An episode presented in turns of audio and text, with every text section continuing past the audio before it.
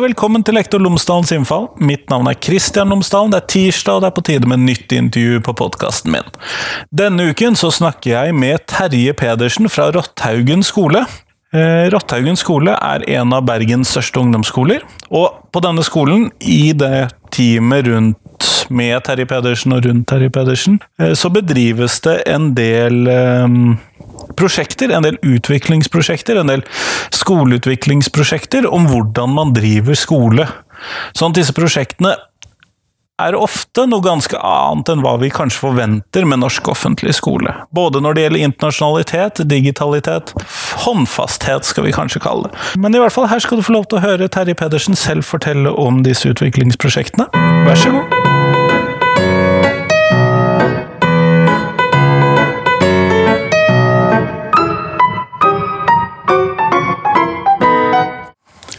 Tusen takk, Terje, for at jeg har fått lov til å besøke deg her i dag. Jo, vær så god. Eh, før vi starter selve intervjuet, kunne du ha fortalt tre ting om deg selv? Ja. Jeg er da lærer ved Rottøen ungdomsskole. Har jobba her i tolv år. Eh, og regner meg sjøl for å være en lærer som liker å forsøke ut nye ting. Og det er jo nettopp det som jeg har Derfor jeg har lyst til å prate med deg. eh, fordi at jeg er litt interessert i en del av disse prosjektene som du har. Og eh, Rotthaugen skole har jo vekket litt oppmerksomhet både i media og blant lærere osv. Så, videre. så eh, hvor skal vi starte? Kanskje på det globale klasserommet? Hva er det for noe?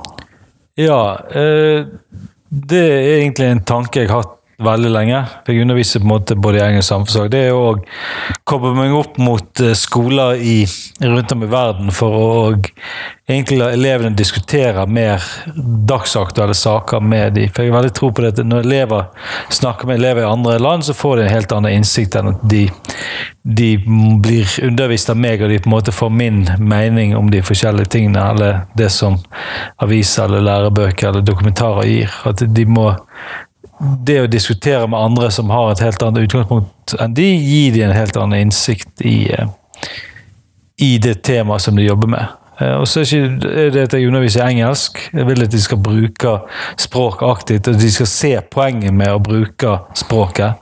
At det ikke skal bli et spørsmål hvorfor må jeg snakke på engelsk når du er norsk og du skjønner hva jeg spør om. og sånne ting, Men de vet at hvis du snakker med elever rundt om i verden, så er det ikke noe valg. Du, du må bruke språket. Og samtidig også det at jeg føler de skal få en litt større selvtillit. De skal se på en måte hvor flinke de egentlig er. Så for Mange elever vegrer seg å snakke engelsk fordi de føler ikke flinke nok. Mens når de, de ser når de snakker med andre elever, at de er virkelig er flinke, og de klarer å gjøre seg forstått, og de, de får en, en godfølelse ut av det. Og du, du, du får jo litt ned av terskelen for å snakke engelsk. for Alle skjønner at de må snakke engelsk når de snakker med deg, og det, det, er ikke så skummelt når du For jeg sier jo på en måte, Hvis vi snakker med amerikanere, så er jo de bare det at du kan snakke engelsk, er jo de på en måte veldig imponert over. og Når det nivået våre elever har, så blir de veldig veldig fort imponert. Og Vi snakker med andre elever rundt om verden, så er ikke de flinkere oss. Og det er sånn hvis, de, hvis, noen hadde snakket norsk til de, så ville de vært veldig imponert over hva de hadde klart å komme med. Du har ikke, vært, du ikke begynt å rette på det eller vært kritisk til det, så de skjønner det, og de, måte, det bidrar til at de blir mer vant til å snakke engelsk. Ja, er nivået som man forventer når folk som ikke snakker ditt eget språk, det er ikke så veldig høyt, det nivået. Nei, Nei det er jo det, det, det, det, som gjør det litt uh, kjekt. Og, så er det litt mer skummelt, men samtidig er det, er for den én-til-én-samtalen òg. Uh, og det at vi forventer at alle snakker. Ofte kobler vi oss opp til at flere elever får snakke med enkeltpersoner, sånn at alle får delta. og Det føler jeg er veldig viktig. Så det er en del variasjon der? Eh, ja. Sånn vi, har, vi, vi, har, tatt inn, f.eks. gjennom Skype, eksperter innenfor forskjellige emner. Eh, sist vi skyper, så skyper vi med amerikanske dronepiloter. det hørtes jo ganske spennende ut, da. Det, det var spennende. og Da hadde vi først måtte sett dokumentar om det. Måte den norske dokumentaren, den dronen Eh, og så etter måte, filmen så ba elevene ok, sa at nå skal vi stripe med en amerikansk og så må dere lage spørsmål som vil være reelle, og ting dere lurer på til den personen. Eh, og så da lot jeg de som da hadde spørsmål, stille dette, så fikk vi en veldig sånn god diskusjon på det. Og det er jo klart at de får en helt annen eh, informasjon om temaet, og måte, litt mer lærelyst, tror jeg, når du vet du kan faktisk snakke om reelle personer, og personer de har sett på dokumentarer først. og de, kan, Ting de lurte på, det kan de først stille spørsmål Da Det har vi gjort på flere forskjellige temaer. og da må jeg nesten spørre, hvordan får man tak i en amerikansk dronepilot? Sosiale medier. Det, det, han fikk jeg ta på Twitter. Eh, Det er litt sånn arbeid. Du må ofte gå gjennom litt forskjellige personer, og så går det som oftest greit. Eh, Men det, sosiale medier er det jeg bruker. Twitter, Facebook. eh, I noen få tilfeller e-mail, men det er veldig, veldig sjelden. Det er sånn at du får stort sett tak i det litt sånn person til person og jungeltelegraf-måten. Ja, ja. Ofte sånn, mange, de fleste over 30 har Facebook, sånn, så du kontakter der. En del har også Twitter, så kan de sette meg i kontakt gjennom de tingene der. Så, så det, vi, vi får tak. Sånn. Vi, vi også, når vi så en sånn der eh, Ocean, Blue Ocean, en sånn dokumentar om eh, tilstand til eh, verden nå, eh, spesielt i med sånn eh, plastikkforurensning ute i havet. Og Hun som lagde dokumentaren, hun fikk vi da tak i. Hun skypa på en måte med elevene etter de har sett den. For det var et tema de veldig var opptatt av. sant? Og det, jeg føler i hvert fall at det gjør noe med elevene. Jeg får muligheten til å snakke med disse ekspertene. Det blir vel også eh, relevant for andre fag. Det hørtes ut som et perfekt naturfagstema. og sånn også. Ja, det, det jobber vi på en måte i flere. Og det er ofte det vi har gjort, at vi har tema som ofte går inn i sånn, Det var sånn her kickoff-dag, vi hadde dronedag, sant? og da avslutter vi på en måte med den der Skypen. Ja, jeg har sett noen nyhetsartikler om dronedag, og var det noe søppel, eh, søppel i havet-dag og sånn? eh? Ja, det, var, det Slurpen-prosjektet. Det er samarbeid med Uniresearch og eh, havnekontoret Bergen kommune. Der vi samler inn Eller Bergen kommune har Slurpen, som er på en måte en slags innsuger, som suger inn da plastforurensning nede med um, Sakken. Eh, der eleven da kategoriserer det og loggfører det på en måte hva som kom inn, og så diskuterer vi det. Sånn nå ser vi at mye av det plastikkforurensning som kommer inn der, er på en måte fra personlig forbruk. Sånn at det er ikke fra andre land eller er fra industrien. Det er på en måte ting vi kaster ut. Ispapir og Ja, og eh, forskjellige ting. Ja. Så, det er, så de får da mer sånn praktisk innblikk i det. da. Har dere vanlig undervisning i det hele tatt? Vi har nok en god del vanlig undervisning òg. Eh, elevene er nok, eh, blir nok litt frustrerte innimellom når de, på en måte, vi kjører en masse prosjekter på dem. Eh, og Det sier at det er ikke sånn at elevene mottar det med sånn jubel hver gang. For det, undervisningen vi bedriver er ofte vanskeligere enn eh, den vanlige Bare sitte på rumpa og gjøre ja, noen og gjør oppgaver? husker du oppgaver. Sant? For det, det, det blir vanskelig når du må bruke kunnskap, du må uh, bruke den aktivt, du må tenke du må resonnere. alt disse tingene. Så er jo det en vanskeligere måte å undervise på for elevene. også. Så det er ikke sånn at når jeg sier at vi skal ha prosjekt om fransk revolusjon, vi skal bruke Snapchat uh, og sånne ting, at det alltid bidrar til en jubel. De, uh, og spesielt når jeg da når elevene er frustrerte for det, de, de, de sliter litt med oppgavene. Så, så jeg sier egentlig til dem ja, men jeg er veldig fornøyd at dere, dere, dere sliter litt, at dere, dere er frustrerte. Det skal gjøre litt vondt å gjøre noen oppgaver. For da vet resultatet blir så veldig bra, fordi dere finner gode løsninger. Dere, klarer veldig godt disse her eh, tingene. Men det, Har gjort en innsats, så. ja, ja, du må gjøre det, det skal gjøre litt vondt. For det er jo det du vet selv, hvis du, hvis du skal gjøre noe, du legger en innsats ned, så er det veldig sjelden lett hvis du skal få gode ting til. Det, det er eh, det er mye frustrasjon i bildet, men da blir ofte også resultatet veldig bra. Det samme som prosjektet har jo bidratt til veldig mye frustrasjon for meg og de andre jeg jobber med. Eh, Men vi blir jo veldig fornøyd med resultatet når vi ser hvordan elevene blir når vi er ferdig i 10. klasse. Ja, og dere hadde jo nettopp, var det nå i høst, nei, nå i vår, dere fikk ferdig den første, Ja. var det karakterfrie tiendeklassen? Var det det? Nei. Nei, vi begynte uten karakter nå med den nye åttende, men de, de, det første kullet vi har hatt ut, det var det som gikk ut nå. Det har vi hatt i tre år, da vi har jobba på den måten her. Eh, de elevene er, de er helt fantastiske. Jeg har ikke noe annet opp å si på, på hvordan de var, og hvordan de, de reagerte på ting vi gjorde, og hvordan de var med hverandre. og alt sånt. Det, De første prøvekaninene. de første prøvekaninene var Nei, det var de og Hvis ikke vi hadde de og de foreldrene vi hadde, så hadde vi aldri fått gjennomført det. Eh, Og det er de samme de elevene vi har nå òg. Utrolig greie og hyggelige. og du, du blir motivert av å jobbe med når elevene er sånn som de er, sånn, så, så blir du veldig motivert av å gjøre nye ting. Du har lyst til å på en måte gi den best mulige undervisning til dem. Men er det sånn at hele skolen kjører de samme prosjektene, eller er det et snakk om eh, noen klasser som eh, blir sånn? altså, nå, vi, nå gjør vi på en måte I begynnelsen var det ofte at vi kjørte disse prosjektene, at det var våre klasser.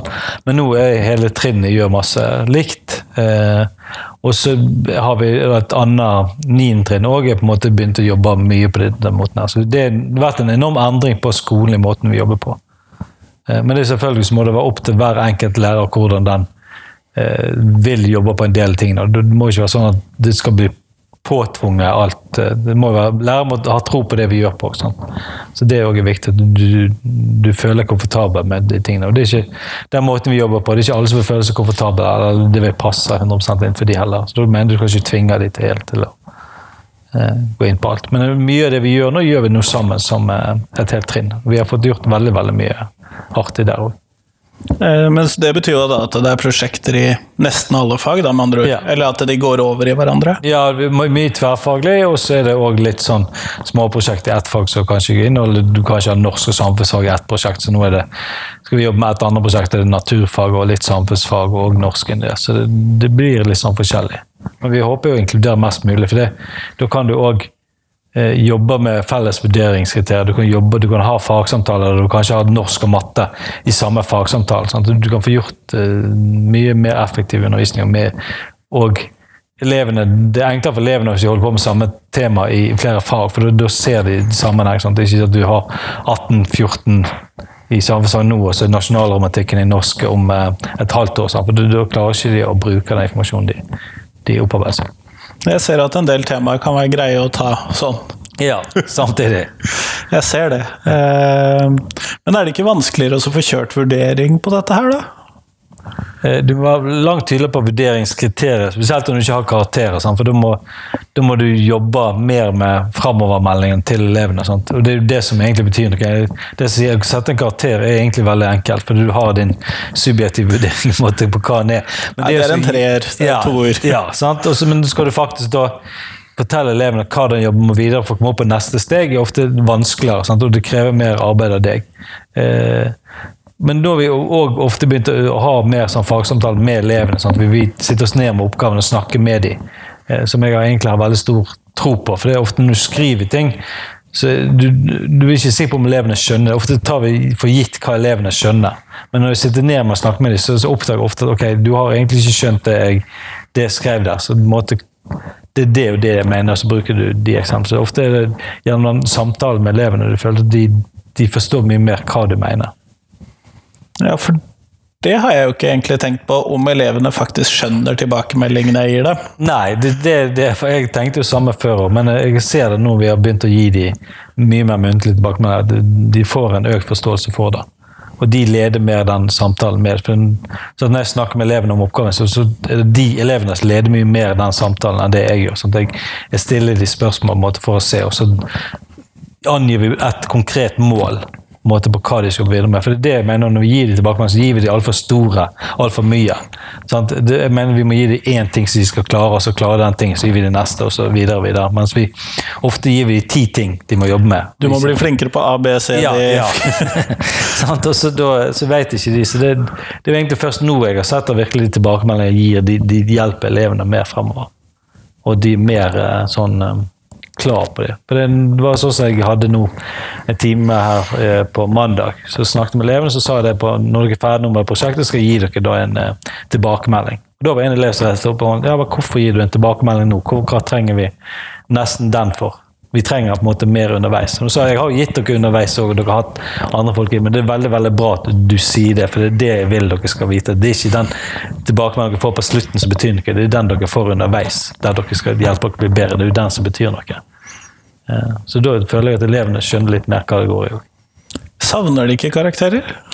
Noen gjør nok det, eh, absolutt. Eh, Noen lurer liksom på hva gir den karakteren den. Men jeg har fått mindre spørsmål enn jeg hadde trodd.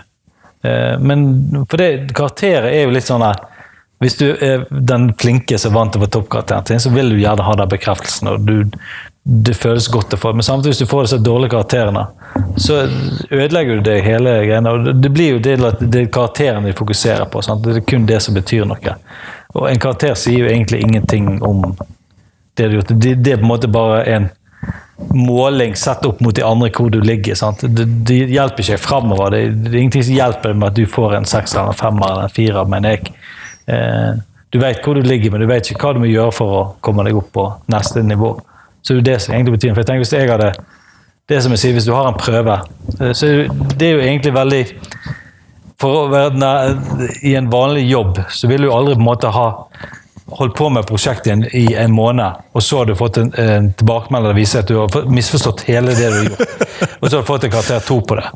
Eh, Du ville jo selvfølgelig underveis fått eh, beskjed på ok, du må gjøre sånn eller sånn, og du hadde fått en, eh, en veiledning som gjort at du hadde forandra det du hadde gjort på, så du måtte levert inn på slutten. Og det at du hadde fått en karakter, det, det hadde egentlig ikke betydd så mye, for du vet på en måte hva du har gjort og hvordan du har gjort det. Um, så jeg, mener for Karakterfokuset det, det er enormt på ungdomsskolen. og det, Elevene stresser med det. De, vi, vi må gi karakterer til jul, vi må gi karakterer til sommeren. Og allerede nå så er de begynt å regne ut snittet sitt. sant? Det er kun det som betyr. Det første de gjorde de fikk ut, var å regne snittet sitt. For å da tenke ok, kommer jeg inn på videregående, kommer jeg ikke videre, eller alt det ting. Så de, de stresser jo veldig mye med det. Eh, Men det, ikke, det bidrar ikke til læring. Det er ikke sånn at de, de bruker det på noen måte som er en god. Det er på en måte mer det at de sammenligner seg på hverandre. Hvis ikke du da har toppkarakteren, så er det på en måte eh, Da er ikke det bra nok. Så de, de setter veldig press på seg sjøl. Men når de ikke nå har karakter, så er det, da er det tilbakemeldingen de jobber med. Og det er det som betyr noe. da. Ja, jeg kan jo se det at uh, dette instrumentet stresser. Eh, det kan jeg jo absolutt se. Eh, jeg merker det jo på mine egne elever også. Ja. Eh, og vi har jo karakterer. Ja. Eh, selv om vi prøver å være flinke på tilbakemeldinger. Ja da, Eh, men det, det jeg opplever det er ofte det at hvis du gir tilbakemelding og en karakter, så er det kun karakteren som betyr noe. ting, sant? Du kan jo sitte i mange timer og skrive en vanvittig tilbakemelding, men det, hvis du gir det karakter, så er det det som betyr noe. Så er det, er det mm, ikke den, det du har sittet virkelig og jobba med, som har eh, Så du er ikke enig med lektorlaget at uh, å droppe karakterer er dulling med elevene også? Nei, det, det er veldig De bør kanskje droppe powerpointen sin før de uttaler seg om karakterer. Nei, jeg mener ikke det. Jeg mener at karakterer det, det, det Jeg ser ikke poenget med det. Det er ingen som kan forklare meg hvorfor karakterer skal være der. Det at de kaller meg dulling med elevene, men karakterer er jo bevist, det fører ikke til læring.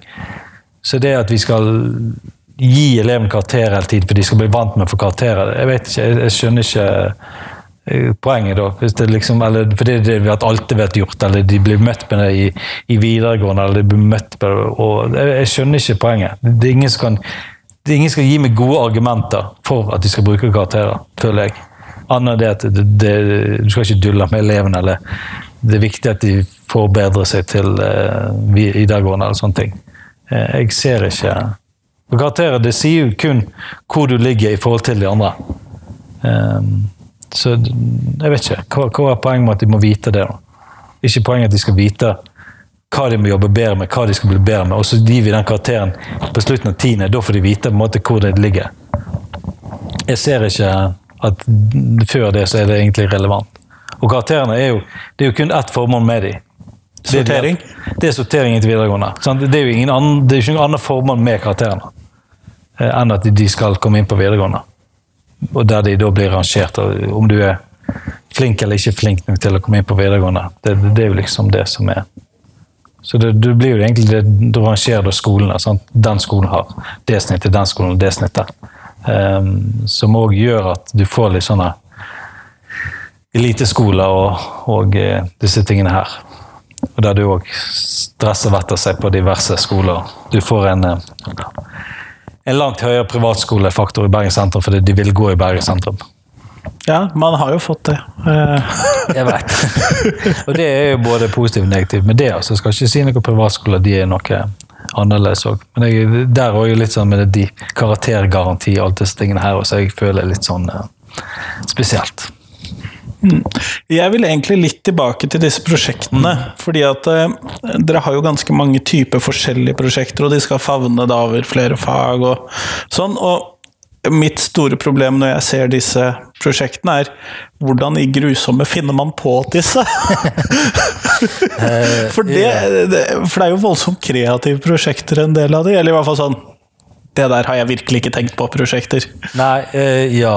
Eh, jeg pleier å si at jeg er en elev som kanskje ikke har fungert helt i norsk skole, når jeg var på en måte vanlig elev. At jeg har Veldig mye fantasi.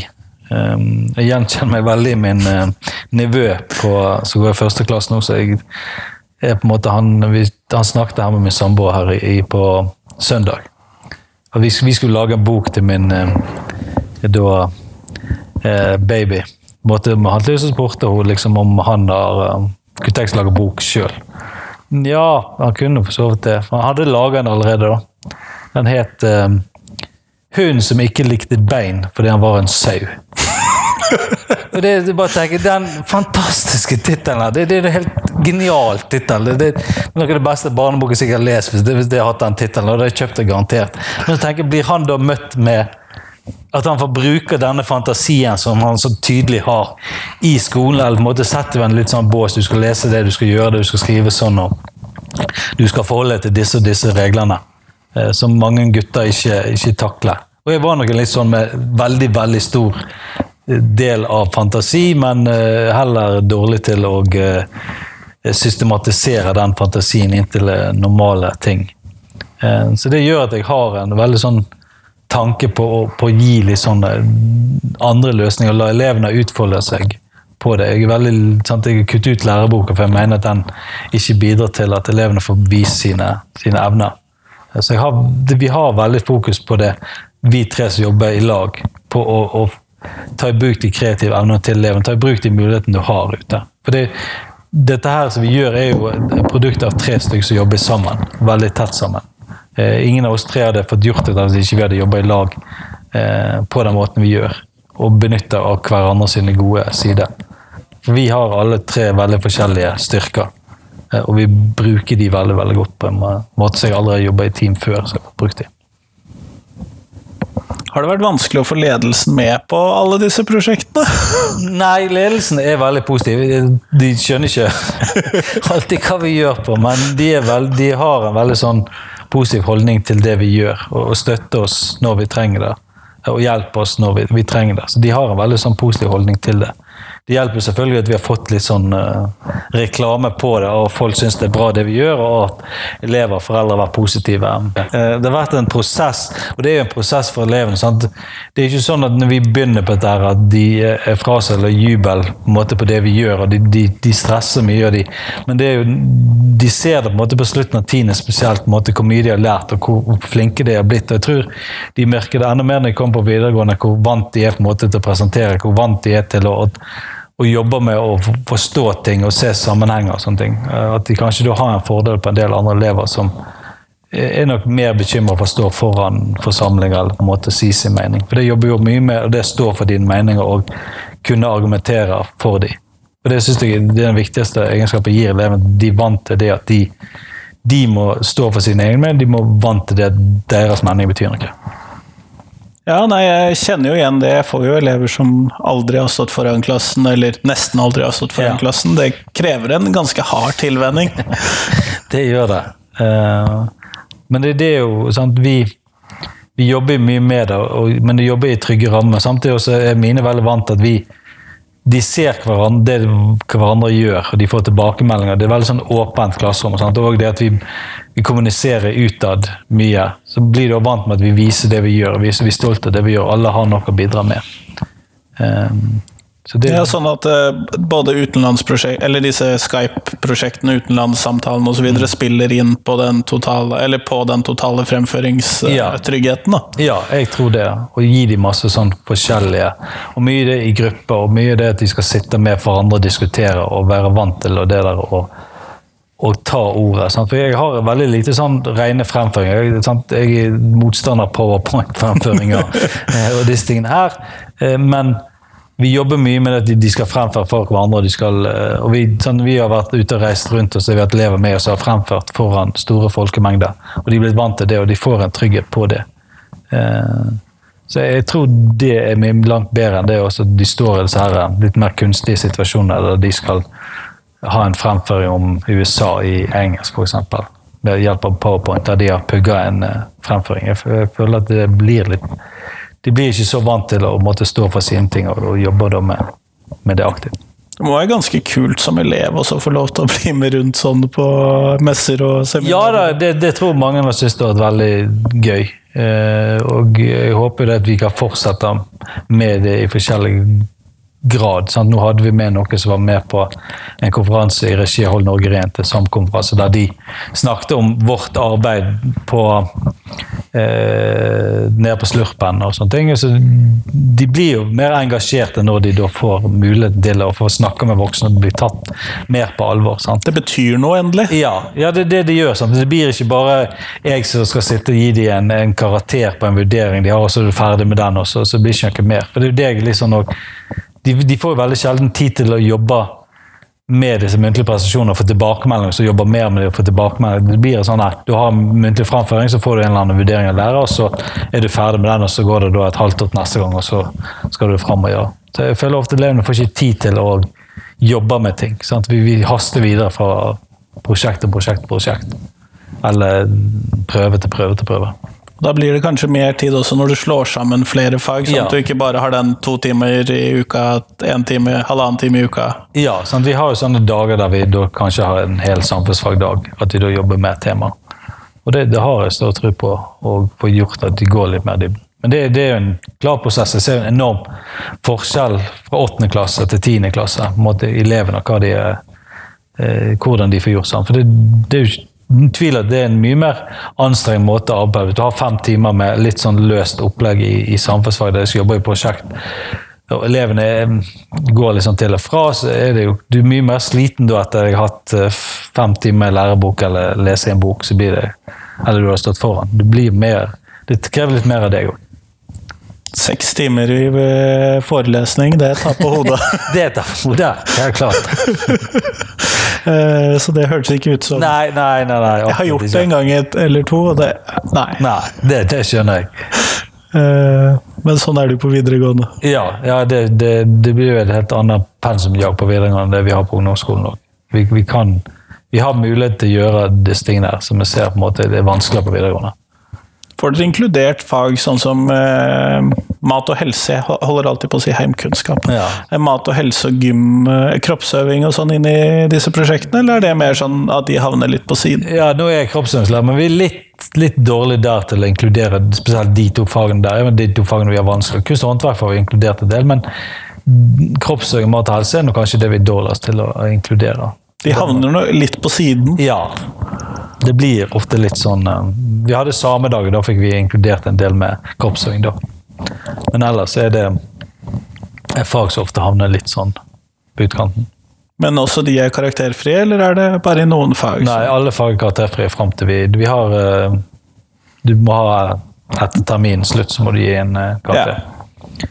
Ellers er det samtaler og disse tingene. Men da er ikke det på karakter. Mm, nettopp. Eh, Men hvis eh, du skulle ta oss og være skolediktator, hvis du skulle få lov til å så Avslutningsspørsmålet Ja. mitt skulle få lov til å eh, få fritt mandat og fritt budsjett til å gjøre noe i norsk skole. Hvor ville du eh, lagt inn støtet først? Først tror jeg jeg ville betalt ut alle politikere. Et, et år obligatorisk eh, lærerjobb.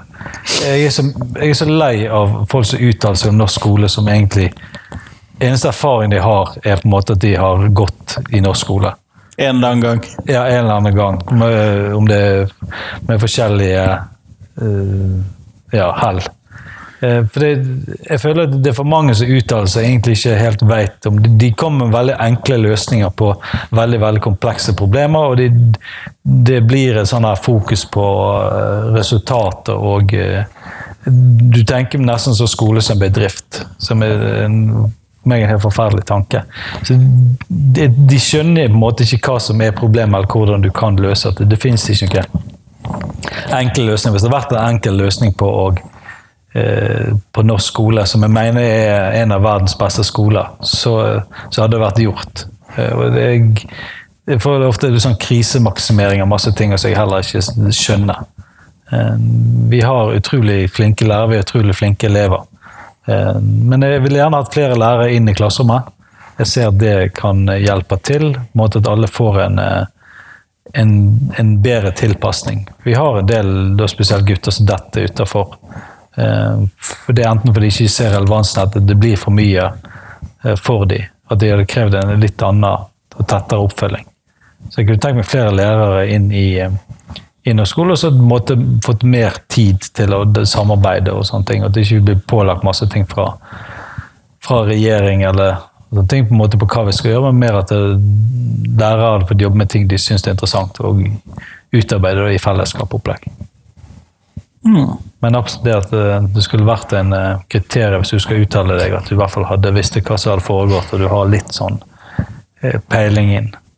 Hadde jo vært billig å sende alle disse politikerne ut i skolen. Jeg mener De tjener jo dobbelt så mye. som Ja, ja, det- ja, og de har jo nok fri til å gjøre det, så de har ikke de som har fri alle året etter det jeg har lest. Det er jo det de mener med oss også, så det er vel går vel opp Men jeg mener det, det, det må så det blir misbruk av, av forskning på masse ting. og sånn, for det, Jeg føler det at forskning sier det er på en måte mest misbrukte tingen som blir brukt nå. For det, bare den du bruker Hattie, så er det ti forskjellige måter å bruke den. De, de finner bare ting som beviser akkurat det de, det de har som formål, uten at det egentlig viser noe konkret, eller de kan vise til at dette faktisk fungerer.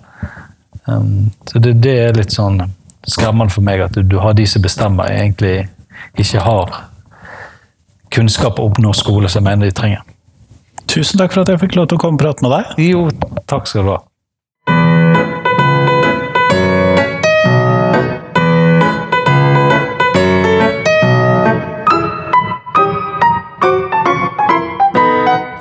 Tusen takk til Terje, og tusen takk til deg som hørte på. Nå er det en uke til neste podkastintervju, men jeg håper i mellomtiden at du kan dele det, denne podkasten, enten en episode eller hele podkasten, med en venn eller en bekjent uh, som du tror vil sette pris på den. Jeg blir i hvert fall veldig glad hvis enda flere får muligheten til å høre podkastepisodene mine. Men i hvert fall, fram til neste gang, ha en fin uke. Hei, hei.